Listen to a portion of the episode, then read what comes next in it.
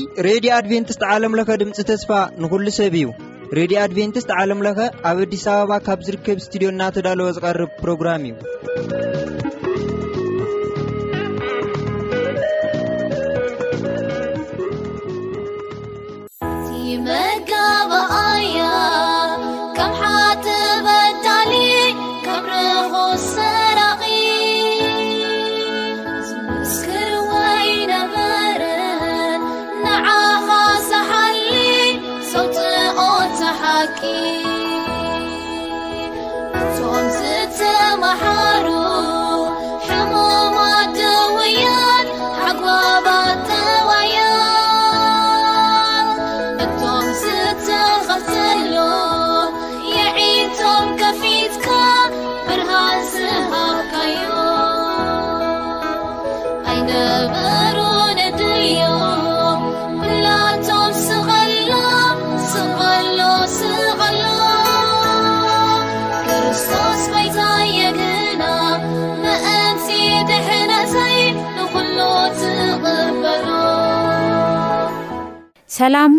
ዝኸበርኩም ተኸታተልቲ መደባትና ሰላም ኣምላኽ ብብዘለኹሞ ምሳኹም ይኹን እግዚኣብሔር ኣምላኽና ነመስግኖ ደጊምና ከዓ ክንራኸብ ኮይኑ እዩ እስኹም ለለ ምሳና ክትኾኑ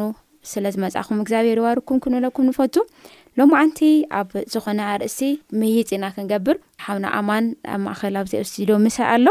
ዝተወሰኑ ሕቶታት ክሓቶ እየ እንዳሃርእሱ ክምልሰልና እዩ መቸም እዚ ሓድሽ ዓመት እዚ ኣቲና ኢና ዘለና ኣብ መጀመርያ ሰሙን ኢና ዘለና ኩሉ ነገር ክሕደሰልና ኢና ንደሊ፣ ኩሉ ነገር ክስተኻኸል ኢሉ ንደሊ እና ምናልባት እዚ ካብ ቃል ኣምላኽ ናባኹም ነብሎ ነገር ንእሽተን ክጠቅመና ኢልና ብምሕሳብ እዩ ነዚ መደብ እዚ ኣዳሊና ዘለና። ኣምላኽ ከኣ እቲ መምህሬና መንፈስ ቅዱስ ከኣ ብኹሉ ከብለና እዩ። ጸሎት እሞ ክንገብር እሞ ኣብ ኣብ ናይ ሎማዓንቲ ኣርእስትና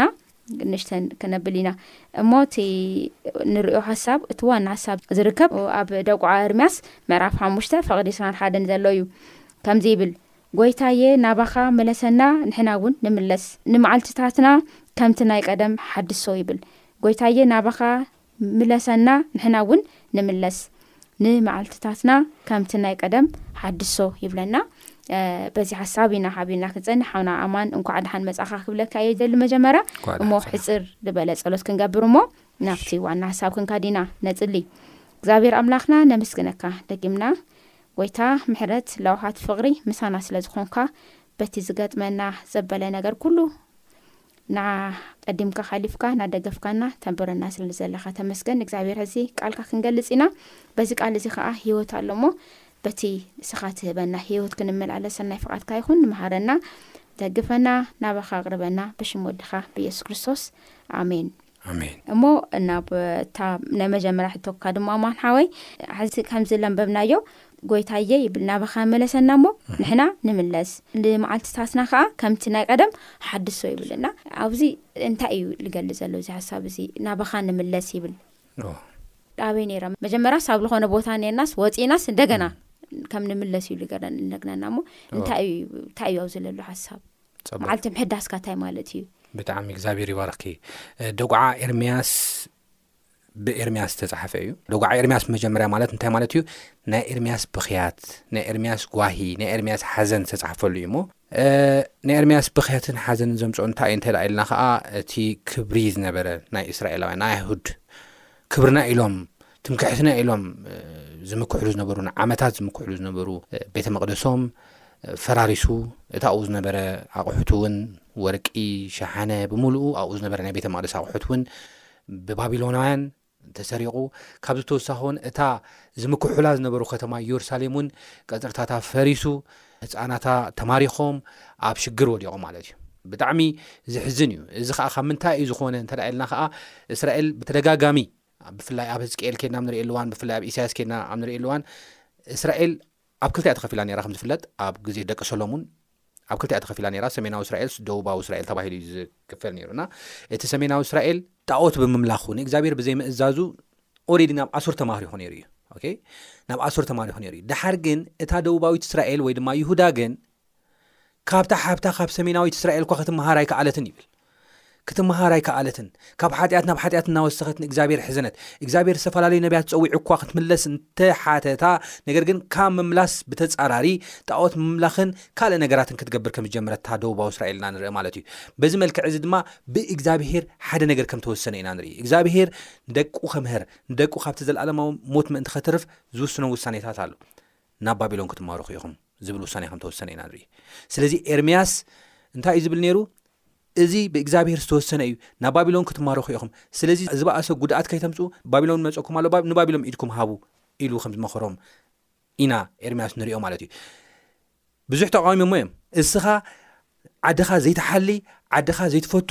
ካሓደ ነቢ ኢኻ ኢሎም ብዙሕ ኣሳዲዶሞ እዮም ንኤርምያስ ኣብ ጉድጓድ ክሳብ ምእታው ኣብፅሖሞ እዮም ብዙሕ ሽግራት ኣብፅሖምሉ እዮም ብዝኾነ ግን ናብ ግብፂ ወላ እኳ ተፈተኑ ግብፂ ረድኤት እኳ ተፈተኑ ካል ዓድታት ክረድኦም እኳ ተፈተኑ እቲ ናይ እግዚኣብሄር ቃል ስለ ዝወፀ ስለ ዝተወሰነ ካብ ምርኮ ኣየምለጡን። ባቢሎን ድማ መፅኡ ነቲ ዓድታቶም ካብ ምፍራስ ከምልጡስ ኣይከኣሉን። እቲ ዓድታቶም ፈሪሱ ተኣሽሙ ኮይኑ ማለት እዩ። ብዝኾነ ናብቲ ሓሳበይ ክኣቱ ናብቲ ዋና ሓሳበይ ክኣቱ ከለኹ ኤርምያስ እዚ ሓሳብ እዚ ክዛረብ ከሎ ክበኪ ከሎ በቲ እስራኤል ዝበፅሖም ይሁዳ ዝበፅሖም ጓሂን ሽግርን መከራን እዩ ዝበኪ ዘሎ ናይ ዶጋዕ ኤርምያስ ፍልይ ዝበለ ሓሳብ ግን ክነግረኪ ይደሊ ክልተ ነገራት ዶጋዕ ኤርምያስ ብመጀመርያ ክጅመር ከሎ ብብኽያት እዩ ዝጅመር ስለቲ ዝበጽሖም ክሳራ እዩ ዝጅመር ኣብ መወዳእታ ክትሪኢ ከለኪ ከኣ ብኣፒሊንግ ብጻውዒት ጎይታ መልሰና ሓድሰና ኢሉ ክዛረብ ከሎ ኢና ንሪኢ ነገር ግን ኣብ ማእከል ድማ ብዛዕባ ተስፋ ይዛረብ ብዛዕባ ተስፋ ካብ ብኽያት ናብ ጻውዒት ናብ ብእግዚኣብሄር ምእማን ዝኸደሉ ዋና ምኽንያት ኬድና ንሪኤሉ እዋን እቲ ተስፋ ኣምላኽ ምስ ተዛረበ እዩ። ኣብ ዶግዓ ኤርምያስ ምዕራፍ ሰለስተ ፍቕዲ ዕስራን ሓደን ክሳብ ዕስራን ኣርባዕተን ኬድና ኣብ ንርእየሉ እዋን ሓደ ሓሳብ እዩ ዝዛረበና። እዚ ኣብ ልበይ ኤንብር ይብል ዶግዓ ኤርምያስ ክዛረብ ከሎ። ስለዚ ድማ ተስፋ እገብር። ምሕረቱ ኣይተወደእን እዩሞ ጥራዝ ዘይጠፋእናስ ጸጋ እግዝኣብሄር እዩ ኢሉ ዝዛረብ ብዛዕባ እግዝኣብሄር። ስለዚ ኣብ ጸጽባ ሓድሽ እዩ እሞ ምዃንኩ ዓቢ እዩ። ነፍሰይሲ ግደ እግዝኣብሄር እዩ ስለዚ ብኡ ተስፋ ትገብር ትብል ኣላ። እናበለ ይዛረብ። ስለዚ ብዛዕባ ጸጋ እግዚኣብሄር ምስ ተዛረበ ኣብዚ ዶግዓ ኤርምያስ ምዕራፍ ሓሙሽተ ፍቕዲ ዕስራን ሓደን ከኣ ኦ ጎይታ መልሰና ሓድሰና ከምቲ ናይ ቀደም እስኻ ትኸብረሉ ንስኻ ትነብረሉ ቤተ መቕድስካ ተሰሪሑ ኣብ ማእኸልና ተማላለስ ኢሉ ክጽሎ ከሎ ኢና ንርኢ ማለት እዩ እሞ እቲ ቅድመ ባይትኡ ዝነበረ ናይ ዶግዓ ኤርምያስ ናይ ጸሎት እዚ ቅድመ ባይታ ዝነበረ እዚ እዩ እዚ ከዓ ምሳና ክነተሓሕዞ ከለና ሎሚ ህዝብና እንተስ ብሓጢኣቱ እንተስ በደሉ እግዚኣብሄር እዩ ዝፈልጥ ኣብ ሽግርን ኣብ መከራን ኣለና ስለዚ እዚ ሽግርን መከራን ሕጂ እኳ እንተብከየና ነገር ግን ኣብ ማእኸል ኣብ ደጉዓ ኤርምያስ ምዕራፍ ሰለስተ ከም እተጻሕፈ ማለት እዩ ተስፋ እግዚኣብሄር ግን ክንርስዕ የብልናን ጸጋ እግዚኣብሄር ግን ንዓና ከም ተዋህበ ክንርስዕ የብልናን እዩ እዚ ጸጋ እግዚኣብሄር ንዓና ከም ዝተዋህበ ብዘይምርሳዕናን ብምዝካርናን ልክዕ ኤርምያስ ከም ዝጸለዮ ሓድሰና መልሰና ናባኻ ኢልና ክንጽሊ ይግብኣና ምክንያቱ ናብ እግዚኣብሔር ምምላስ ምሕረት ኣሎ ናብ እግዚኣብሔር ምምላስ ምሕዳስ ኣሎ ምፍቃር ኣሎ ሰላም ኣሎ ዕረፍቲ ኣለዎ እሞ ናብ እግዚኣብሔር መልሰልና ኢልና ልክዕ ከም ኤርምያስ ክንጽሊ ይግብኣና እዩ ሞት ሓሳቡ እዚ እዩ ክብለክ ደለ እሺ የቐኔልና ኣማን ሓወይ ትክክል እዩ እንታይ እዩ ኣብዚ ንሪኦ ዘለና ነገር እንታይ እዩ እስራኤል ክብራ እንታይ ነይሩ እግዚኣብሄር እዩ ነይሩ ሞጎሳ እግዚኣብሄር እዩ ነይሩ ሃይላ እግዚኣብሄር እዩ ነይሩ ሓጎስ ኩሉ ነገር እግዚኣብሄር እዩ ነይሩ እና ካብ እግዚኣብሄር ተመሊሶም ምስ ወፁ ዝረኸቦም መከራ ነይሩ ዝረኸቦም ብጣዕሚ ፀገም ነይሩና ዳህሪ ግን ምለሰና ናብቲ ክብርና ምለሰና ናብቲ ናባኻ ኣቅረበና ናባኻ ኢሎም ክፅልዩ ከሎ ኢና ንርኢ ማለት እዩና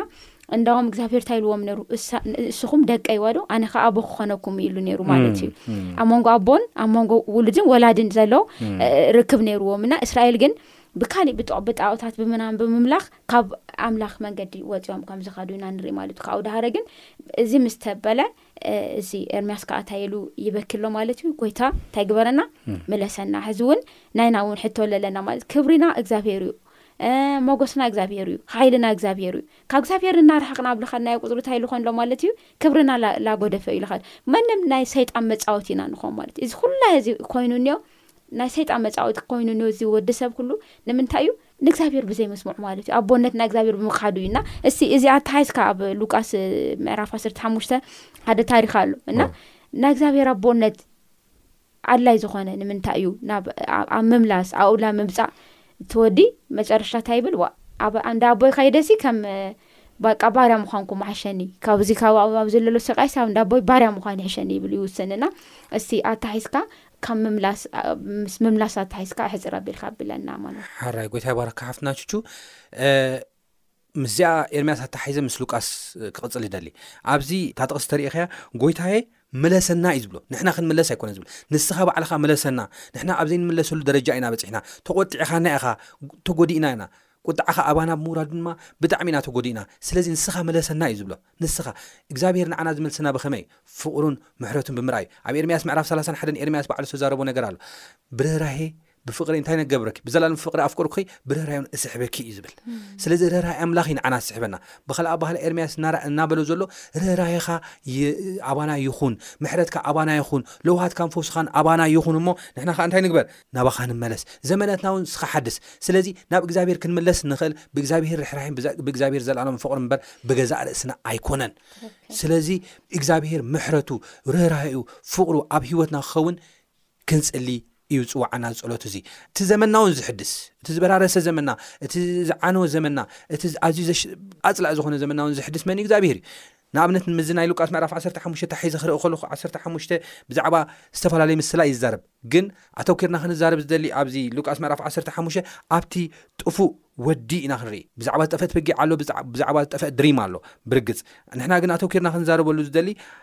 ኣብ ሉቃስ ምዕራፍ ዓሰርተ ሓሙሽተ ብዛዕባ እቲ ጥፉእ ወዲ እዩ። እዚ ጥፉእ ወዲ ኣብ ኣዝዩ ዝኸበረ ገዛ እዩ ነይሩ፣ ነገር ግን ካብ ዘይምፍላጡን ካብ ዘይምርድኡን ዝተላዕለ ናይ እግዚኣብሄር በረኸትን ናይ እግዚኣብሄር ምድሓንን ክሳብ ክንደይ ክቡር ከም ዝኾነ ንዕኡ ብዘይምርኣዩ ብዘይምዕጋሱ ሸለል ብምባሉ እንታይ ገይሩ ኣቢዩዝ ገይርዎ። እቲ ናይ እግዚኣብሄር ፀጋ ኣቢዩዝ ምግባሩ እንታይ ድሓር ገይሩ ማለት እዩ ግደ ይሃበኒ ካባካ ክፍለዩ ምሳካ ክነበር ኣይደልን ኢሉ ክወፅ ከሉ ኢና ንርኢ ማለት እዩ ነገር ግን ናይ እግዚኣብሄር ፍቅሪ ናይ እግዚኣብሄር ርህራሄ ኩሉ ግዜ ምስኡ ነይሩ እዩ ወዱ እንተጠፍአ እኳ እንታይ ገይሩ እዩ ኩሉ ግዜ ናይ እግዚኣብሄር ርህራሄን ምሕረትን ኩሉ ግዜ ናይ እግዚኣብሄር ሓለዋ ኩሉ ግዜ ናይ እግዚኣብሄር ክርሳዕ ዘይክእል እቲ ቆልዓ እኮ ጠፊኡ ኣብ ሽግር ወዲቁ ምግቢ ስኢኑ ካብቲ ሓሰማታት ዝበልዖ ዝነበራ ቋርፍ ወይ ድማ ፍርፋሪ ክበልዕ ክሳብ ዝህንጠው በጺሑ ንክምለስ ዝገበረኮ እቲ ክርሳዕ ዘይክእል ናይ ኣቡኡ ፍቅሪ እኮ እዩ ኣቦይ ምሕረትና እዩ ሓደ ኣቦይ ሃፍታም እዩ በዓል ጸጋ እዩ ኣብ ኣቦይ ብዙሕ ነገር ኣሎ ኣቦይ ዝቕበል እዩ ሓጢኣተኛታት ዝቕበል ጉድኣት ዝቕበል እዩ ዝሓቁፍ እዩ ጨካን ኣይኮነን ክሳብ ክንዲዚ ከም ሓደ ባርያኻ እኳ ግበር እንተኢለ ንባርያ እኳ ከም ንጉስ ገይሩ ዘንብሮም እዩ ኢሉ እቲ ዝረኣዮ ፍቕሪ፣ ብንእስነቱ ዝረኣዮ ፍቕሪ ክርሳዕ ዘይክእል ፍቕሪ ኢዩ። እንታይ ገይርዎ? ካብቲ ዝነበሮ ሽግር፣ ካብቲ ዝነበሮ መከራ ሓፊሱ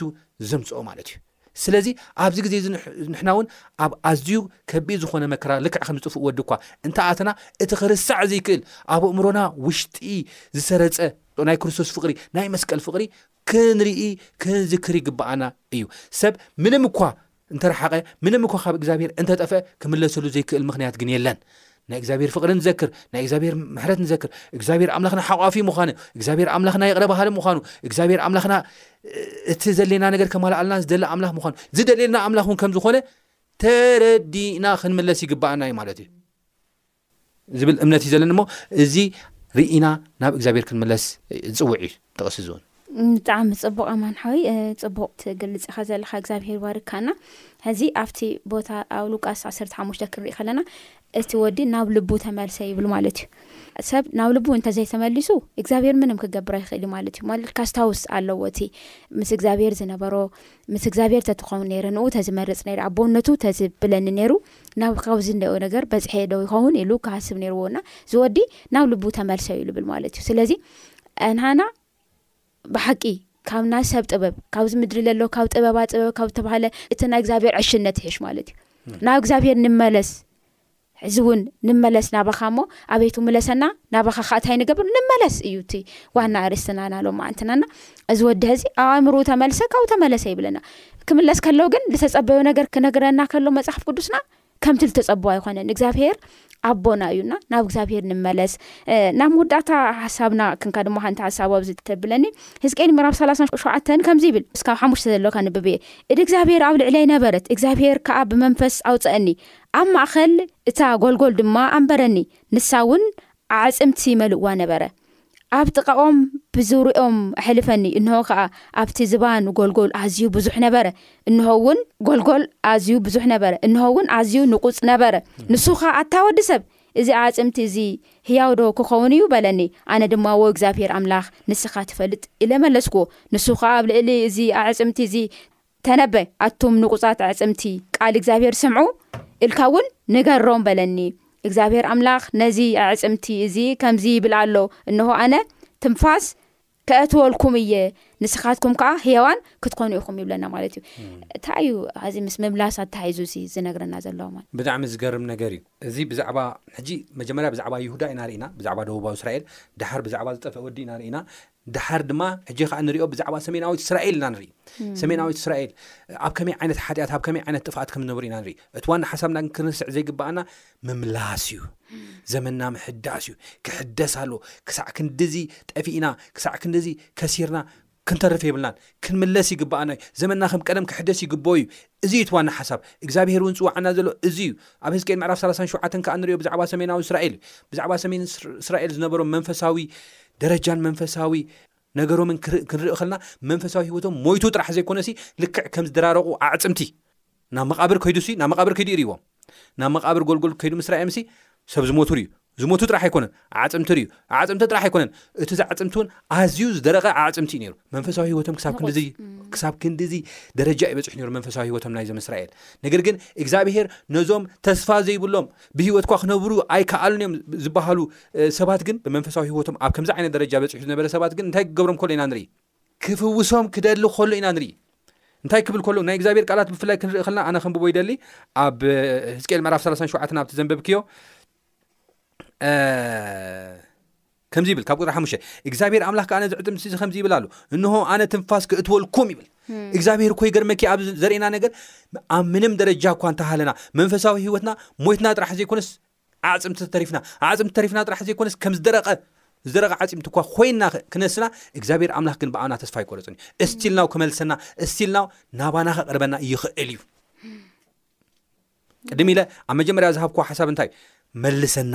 ንስኻ ሓድሰና እዩ ዝብል ስለዚ እግዚኣብሄር ንሰሜናዊ እስራኤል እንታይ ክብሎም ከሎ ኢና ንርኢ ኣነ ነዞም ሰባት እዚኦም እንታይ ክገብሮም እየ ትንፋስ ክእትወሎም እየ ንስኻትኩም ከዓ ህያው ክትኮኑ ኢኹም ጅማውቲ ከንብረልኩም ስጋ ከንብረልኩም ብቆርበት ክኸነኩም ትንፋስ ክእትወልኩም እየ ህያዋያን ከኣ ክትኮኑ ኢኹም፣ ኣነ እግዚኣብሄር ምዃነይ ከኣ ክትፈልጡ ኢኹም። እቲ ዝምልስ፣ እቲ ዝሕድስ፣ መንፈሳዊ ህይወትና ዝሕድስ፣ ዓድና ዝሕድስ፣ ሃገርና ዝሕድስ፣ ህይወትና ዝሕድስ ኩሉ መን እዩ? እግዚኣብሄር እዩ። እዞም ዝደረቑ ዓጽምቲ ከኣ ተስፋ ዘይነበሮም ብሰብ ክረኣዩ ከለዉ እዚኦም ተስፋ የብሎምን እዚኦም በቃ ዝጠፍኡ እዮም ንሓዊ ምንዳድን ንዘለኣለም ሞትን ዝተፈርዱ እዮም ተባሂሉ ብሰብ ዝተወሰነ ነገር ከዓ ታይ ክኾኑ ከለዉ ኢና ንርኢ ኣብ ቁፅሪ ዓሰርተ ሓደ ሽዑ ንሱ በለኒ ኣታ ወዲ ሰብ እዚ ዓፃፅምቲ እዚ ኹሉ ቤት እስራኤል እዩ እኖ ንሳቶም ዓፃፅምትና ነቐፀ ተስፋና ተቐብፀ ንሕና ጠፊእና ኢና ይብሉ ኣለዉ ብባዕሎም እኳ ብባዕሎም እኮ መንፈሳዊ ህይወቶም ክሪእዎ ከለዉ ብጣዕሚ ኣፅሊእዎም ነይሩ እዩ ነገር ግን ስለዚ ኢሉ ተነብዩ እግዚኣብሄር ትንፋስ እትዩ ጅማት እትዩ ድሓር ዓቢ ሰራዊት ከም ዝኾነ ዓቢ ሰራዊት ከም ዝኾነ ናይ እግዚኣብሄር ሰራዊት ከም ዝኾነ ኢና ንርኢ ዓቢ ህዝቢ ከም ዝኾነ ኢና ንርኢ ማለት እዩ ስለዚ እቲ ዝመልስ እግዚኣብሄር እዩ እቲ ዘመን ዝሕድስ እግዚኣብሄር እዩ እቲ ዝደረቐ መንፈሳዊ ህይወትና ዝሞተ መንፈሳዊ ህይወትና ዝሕድስ እቲ ዝበረሰ ዓድና ዝፍውስን ዝሕድስን ሪስቶር ዝገብር እግዛብሄር እዩሞ ናብ እግዛብሄር ንመለስ እዚ ከዓ ክንገብር ንኽእል ብምንታይ እዩ ልክዕ ከምቲ ጥፉእ ወዲ ፍቕሪ ኣምላኽን ምሕረት ኣምላኽን እቲ ዘይርሳዕ እቲ ኣብ እእምሮና ሰሪጹ ዝተፍር ዝተርፍ ንዓናውን ፈውሲ ዝኸውን